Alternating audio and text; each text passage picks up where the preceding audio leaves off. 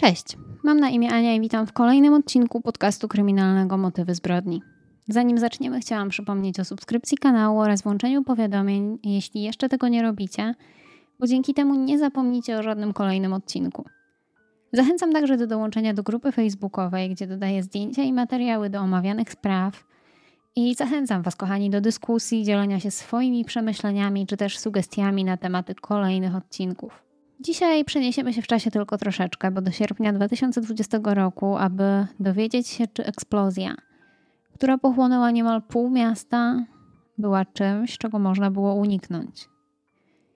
Zapraszam na kolejny odcinek z serii Katastrofy. Przeniesiemy się dzisiaj do państwa położonego na Bliskim Wschodzie, oficjalnie nazywanego Republiką Libańską, a potocznie Libanem. Kraj ten leży nad Morzem Śródziemnym i graniczy z Syberią i Izraelem. Nie jest to duże państwo, bo ma zaledwie 4,5 miliona mieszkańców. Stolicą Libanu jest Bejrut, spore miasto, które jest domem dla ponad połowy tego kraju. W Bejrucie mieszka ponad 2 miliony 200 tysięcy ludzi. Stolica Libanu leży nad Morzem Śródziemnym i ma bezpośredni do niego dostęp. Jest to wyjątkowe miasto, gdzie łączą się wpływy arabskie i europejskie. Można tam znaleźć wiele pozostałości po czasach starożytnych. Piękne zabytki, ale także nowoczesne wieżowce, które sprawiają wrażenie, że jesteśmy w bardzo nowoczesnym mieście. Z racji swojego położenia, Bejrut posiada jeden z największych portów na mapie Morza Śródziemnego.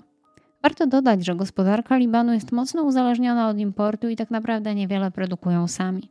2020 rok nie był najlepszym czasem dla tego niewielkiego kraju który właśnie pogrążał się w kryzysie ekonomicznym oraz był wstrząśnięty niepokojami społecznymi, najprawdopodobniej wywołanymi właśnie tym kryzysem.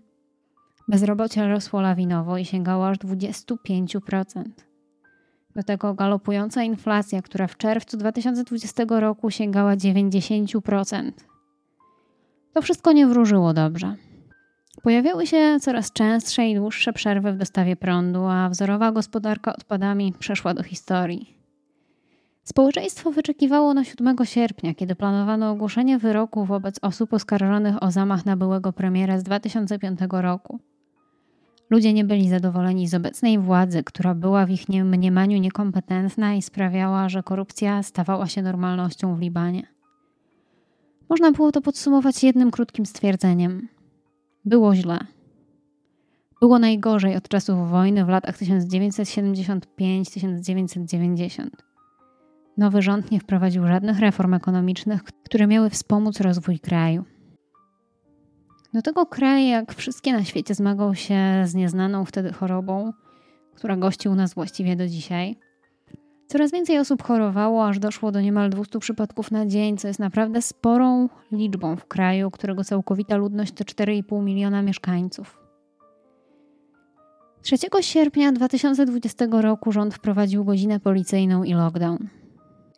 W związku z tym, że praktycznie cały świat się na chwilę zatrzymał, a Liban posiadał głównie importowane dobra, zaczęły się też problemy z dostępnością żywności.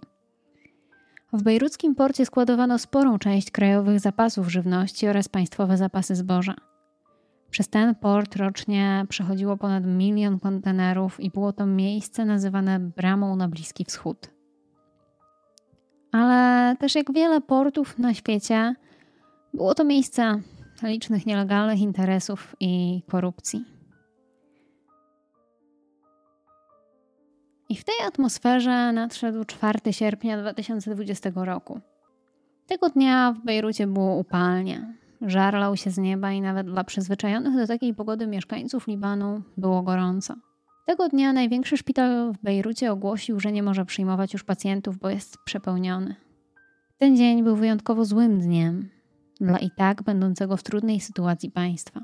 Późnym popołudniem do jednego z magazynów w porcie została wezwana straż pożarna, ponieważ doszło do pożaru fajerwerków. Ekipa remontowa zapruszyła ogień, co spowodowało niewielki pożar niezabezpieczonego składu groźnych chemikaliów. Na miejsce pożaru wysłano dziewięciu strażaków i jedną ratowniczkę. Całą grupą dowodził Harbel Karam, a jednym ze strażaków był także jego szwagier. Była tam też 27-letnia Sahar Fares, ratowniczka, która miała wziąć ślub w 2021 roku. Jadąc na miejsce, Sahar wysyłała jeszcze swojemu narzeczonemu zdjęcie. Zapytał ją wtedy, co się dzieje, ale dziewczyna tylko powiedziała, że zadzwoni później. Zadzwoniła jeszcze do niego z portu i pokazała mu płonący magazyn. Będąc na miejscu, zauważyli, że pożar jest dużo większy i od razu dowódca Harabel Karam wezwał wsparcie. Będąc na miejscu, zespół strażaków od razu przystąpił do działań, aby wejść do magazynu, walcząc z gryzącym dymem. Nie wiem, czy wiedzieli, co jest w środku. Wtedy nastąpiła pierwsza eksplozja, mniejsza. O 18.07 Sahar jeszcze żyła. Narzeczony rozmawiał z nią przez telefon. Poprosił ją, żeby uciekała, jeśli coś jest nie tak. Biegła, ale nie wystarczająco szybko. Nie miała za dużo czasu. Była wystraszona. O godzinie 18.08, 18 sekund czasu wschodnioeuropejskiego letniego, doszło do potężnej eksplozji. Fala uderzeniowa dotknęła nawet budynki znajdujące się 10 km dalej, natomiast sam wybuch można było usłyszeć w oddalonym o 240 km Cyprze. W miejscu eksplozji powstał krater o średnicy 120 metrów, natomiast dogaszanie pożaru po tej eksplozji trwało całą noc z 4 na 5 sierpnia 2020 roku. Strażakom z powietrza pomagały wojskowe jednostki z libańskiego wojska. W Stanach Zjednoczonych odnotowano lekkie trzęsienie ziemi w momencie eksplozji. Była to jedna z najsilniejszych eksplozji nuklearnych spowodowanych przez człowieka. A jej siła rażenia to mniej więcej 7% tego, co bomba jądrowa zrzucona na Hiroshima w 1945 roku. Filmów nakręconych podczas tej eksplozji jest naprawdę dużo w internecie. W czasach, kiedy wszyscy mają zawsze przy sobie telefon z kamerą, naprawdę łatwo uchwycić takie momenty. Widać na nich, jak miasto po prostu się wali. Ludzie, którzy przebywali wtedy w Bejrucie, a pamiętali jeszcze wojnę, wiedzieli, że ten dźwięk jest inny, że to nie przypomina zupełnie bombardowania. Jednak odruchowo po pierwszej eksplozji szukali dla siebie bezpiecznego miejsca. Niestety nie mieli dużo czasu przed drugą eksplozją. To właśnie wtedy wszystkie okna w budynkach w odległości do 10 km zostały wybite. Wiele osób zostało zranionych przez szklane odłamki, niektórzy stracili wzrok, a zyskali blizny na całe życie. Jednak przeżyli. Mniej szczęścia mieli inni. W eksplozji zginęły 204 osoby, a 7,5 tysiąca zostało rannych. Zachodnia część Bejrutu została zniszczona. Ludzie dawno nie widzieli tak zniszczonego miasta. Ostatni raz był w czasie wojny w latach 80. Możecie się zastanawiać, dlaczego w centrum miasta ktoś składował materiały wybuchowe, które nie były odpowiednio zabezpieczone, w dodatku w takiej ilości. Pozwólcie, że Wam powiem, jak to się zaczęło. 21 listopada 2013 roku zarejestrowany w Mołdawii statek MV Arhousus, płynący z butami w Gruzji do Bejry w Mozambiku, został zatrzymany w porcie w Bejrucie. Są dwie teorie, dlaczego tak się wydarzyło. Pierwsza mówi, że wskutek niesprawności technicznej statek został zatrzymany przez służby portowe. Druga, że statek miał zabrać dodatkowy towar do przewiezienia. Statek należał do firmy Tego Shipping prowadzonej przez rezydującego na Cyprze Igora Glieczushikina. Załoga statku była mieszana, składała się głównie z Ukraińców i Rosjan. Statek był pływającą bombą. Na pokładzie tego statku było około 2750 ton saletry amonowej, która została przeniesiona do magazynu numer 12 w porcie przed listopadem 2014 roku i tam była przechowywana aż do 4 sierpnia 2020 roku, kiedy doszło do pożaru. Wielokrotnie w latach 2014-2017 służby celne zgłaszały konieczność usunięcia niebezpiecznych substancji z magazynu w porcie. Informowali wprost o niebezpieczeństwie, jakie niesie ze sobą przechowywanie saletry amonowej w nieodpowiednich warunkach.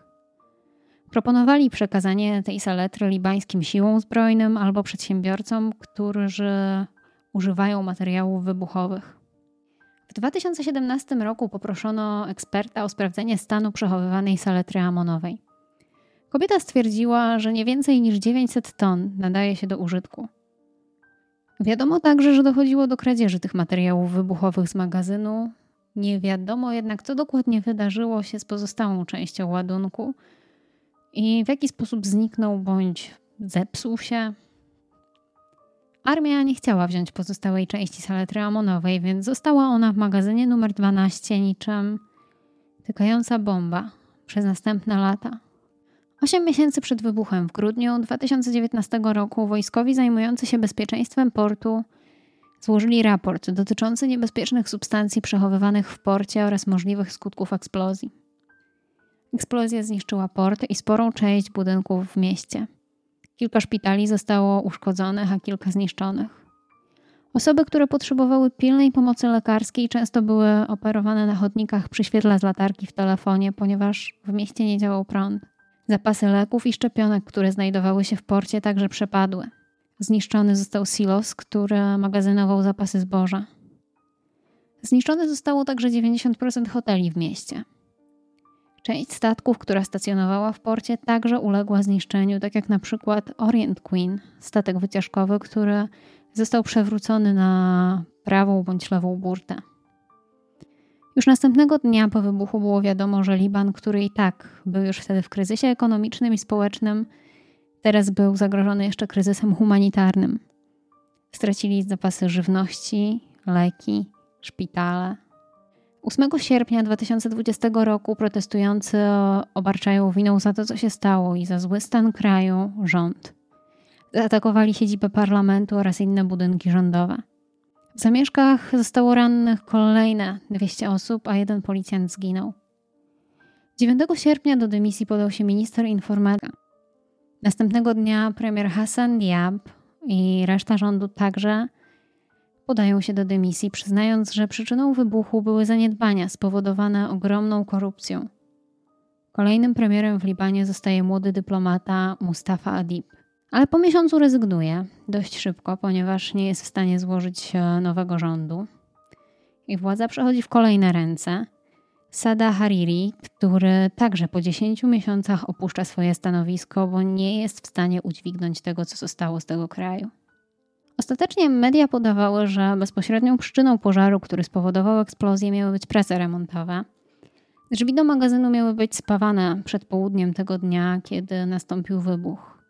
Miało to zapobiegać licznym kradzieżom niezabezpieczonej substancji.